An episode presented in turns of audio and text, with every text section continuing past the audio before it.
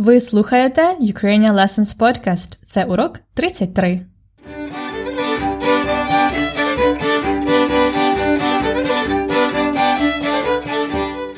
Привіт! Ви слухаєте Ukrainian Lessons Podcast. Це Анна, ваша вчителька української.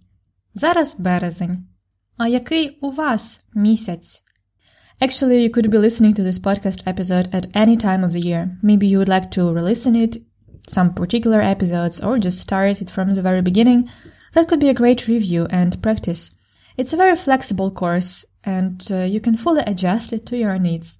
Last time we were shopping in Ukrainian, and we learned the basics of the accusative case for objects. Today we need to get to know the accusative case of people too, and we will be doing this in the context of discussing a book. Книга. Вам подобається читати? Let's start. Почнімо. Моя подруга Іванка called me today while I was reading. Я читала. Іванка is quite a bookworm, so she's always interested to know more about books, книги. While listening, try to catch and maybe write down what is the book about. Про що книга? What is a book about? Про що книга? Слухайте діалог два рази. Перший раз. First time. Алло, Алло, привіт! Як справи? добре, а ти як? Непогано. Що робиш? Читаю книжку. О, як вона називається? Називається Вегетаріанка. Це корейська письменниця Хан Канг. Про що вона? Про жінку, її чоловіка, її сім'ю, про конфлікти між ними. Ммм, цікаво? Так, непогано. Даси почитати? Звісно, можу дати наступного тижня. Дякую. Другий раз. Second time. Алло, Алло, привіт! Як справи? добре, а ти як? Непогано. Що робиш? Читаю книжку. О, як вона називається? Називається Вегетаріанка. Це корейська письменниця Хан Канг. Про що вона? Про жінку, її чоловіка, її сім'ю, про конфлікти між ними. Ммм, цікаво? Так, непогано. Даси почитати? Звісно, можу дати наступного тижня. Дякую. Добре. Now let's have a closer look at the vocabulary and grammar from the dialogue. A typical question to ask when you call a close friend is Що робиш? Remember, що informally can become closer to що. Що робиш? I said читаю книжку. Книга або книжка is a book. Книга. Книжка. Книга і книжка. Яка різниця? What's the difference? Книга is usually more serious and bigger book than книжка. Also, книжка is used more informally than книга. Повторіть. Книга, книжка. So, did you notice which case I used when I said Я читаю книжку? Знахідний відмінок. This is the accusative case we've learned last time. The accusative of objects, as книга is an object and it is feminine, so that's why we change the ending to у after a verb. Я читаю книгу. The same would be with a newspaper. Я читаю газету. Notice about the magazine, журнал. It doesn't change. Я читаю журнал. Добре? This was a quick review. Now we move on to what Ivanka asked me. She said, Як вона називається? How is it called? Як вона називається? Remember when we want to know the name of a person, we ask Як тебе звати? But this question is only about people. If we want to know the name of an object or an abstract thing like a town, a book, we say Як це називається? Назва is a name of something else than people. And the name of a person is ім'я. So we have two different ways to say a name. ім'я for people and назва for everything else. So again, як вона називається? And the book's назва is Вегетаріанка. Вегетаріанка? I guess you could guess what that means. A vegetarian, female.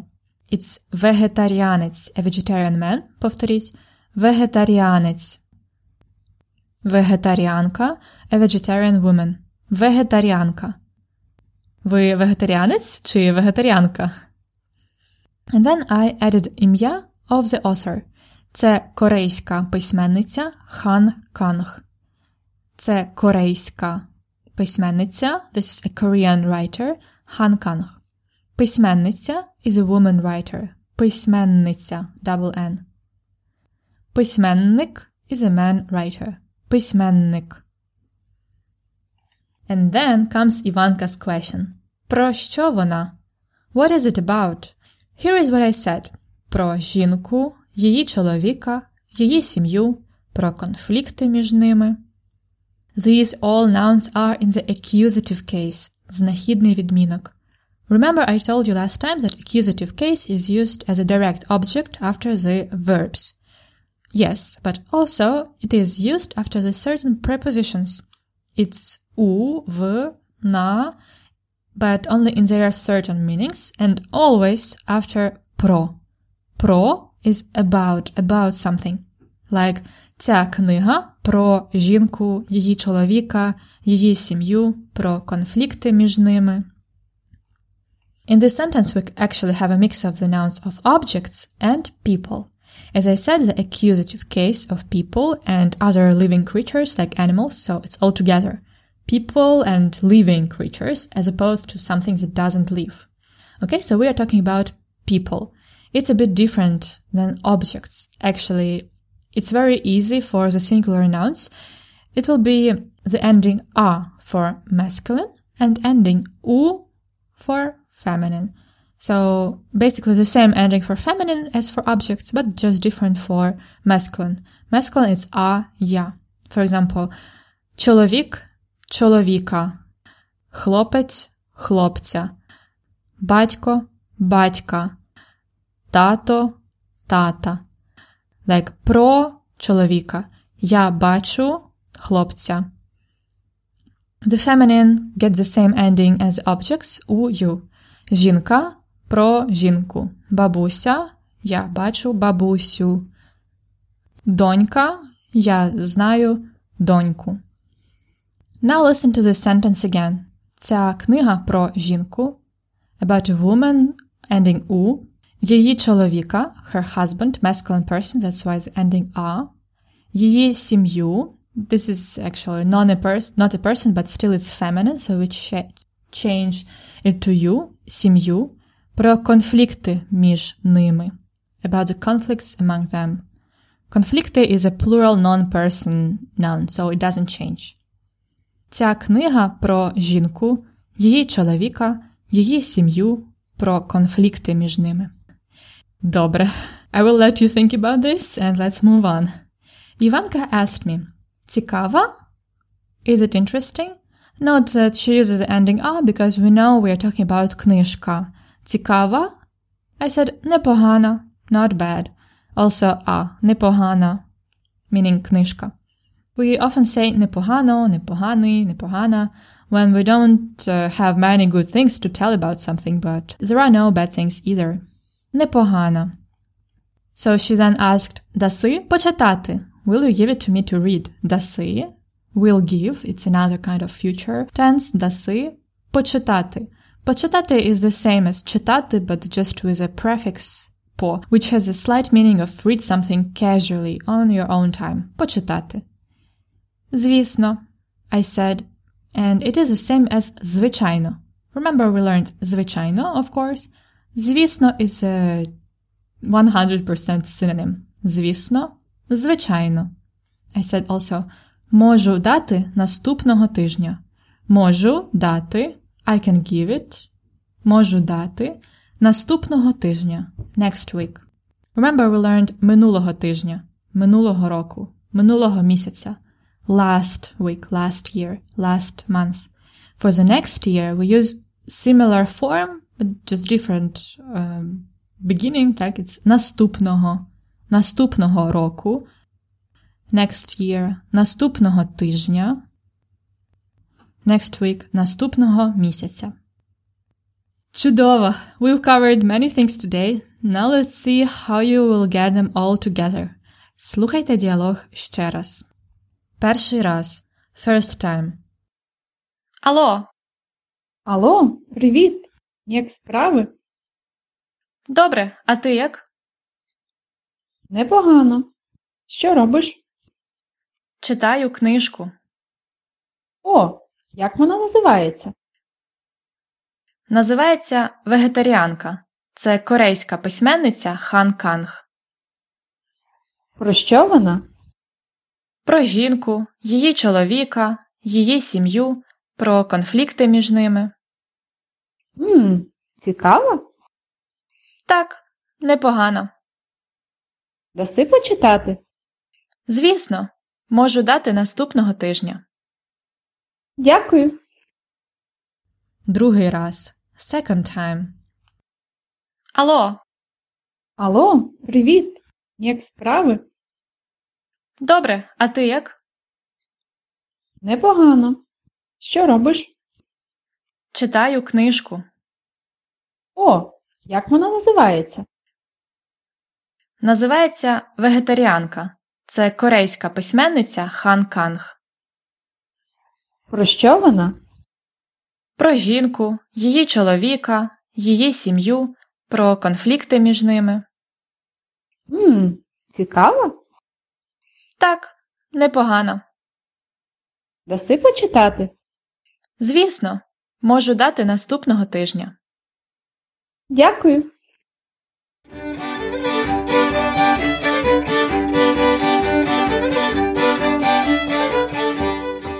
Let's practice. Звісно, today we are going to get more practice of the accusative case of nouns. For this, I'm going to ask you a question. Про що ця книга? Or про що це кіно? What is this movie about? And I give you a word like хлопець. You have to answer with two words only. With про plus хлопець in the accusative case. Про хлопця. Добре? Let's begin. Про що ця книга? Сім'я. Про сім'ю. Про що це кіно? Чоловік. Про чоловіка. Про що ця книга? Жінка. Про жінку. Про що це кіно? Письменник. Про письменника. Про що ця книга? Вегетаріанка. Про вегетаріанку. Про що це кіно? Любов. Про любов. This is a bit tricky because любов, as you know, it is love, it is feminine, but still it doesn't have the ending a. That's why we cannot change it to u. That's why любов stays the same. All the feminine endings uh, with no ending a mm, will have no change in the accusative case. Про любов, about love. You will also find a great exercise to practice your accusative case in the lesson notes of this episode.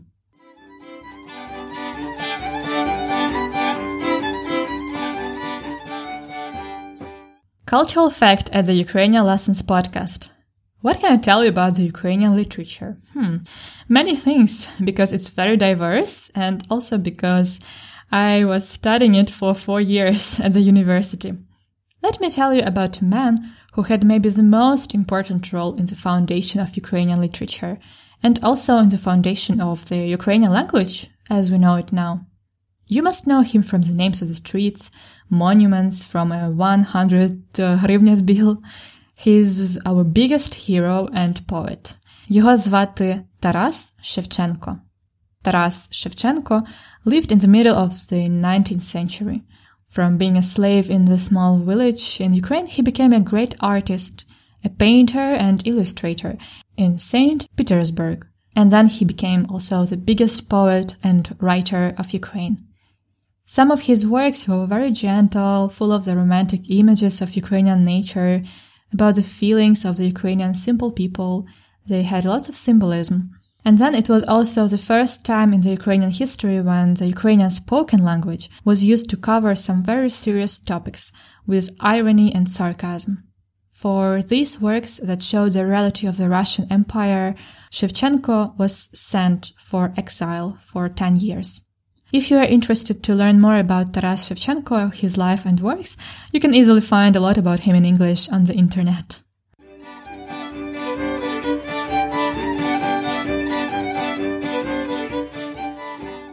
Я сподіваюсь, цей епізод був цікавий. I hope this episode was interesting. Now you know the basics of the accusative case, and also you might uh, begin to understand now the concept of the cases and uh, that you shouldn't be afraid of them. If sometimes you forget to use the word with a different ending, Ukrainians won't judge you, and they will understand the full meaning of what you wanted to say. If you want to get the texts of the dialects with along with some more explanations and grammar tables, also the bonus vocabulary related to the books and reading, and a practice exercise. Remember, we offer a great lesson notes PDFs for our premium subscribers. You can learn more about it at ukrainianlessons.com slash episode 33. ukrainianlessons.com slash episode 33. До наступного уроку! До побачення!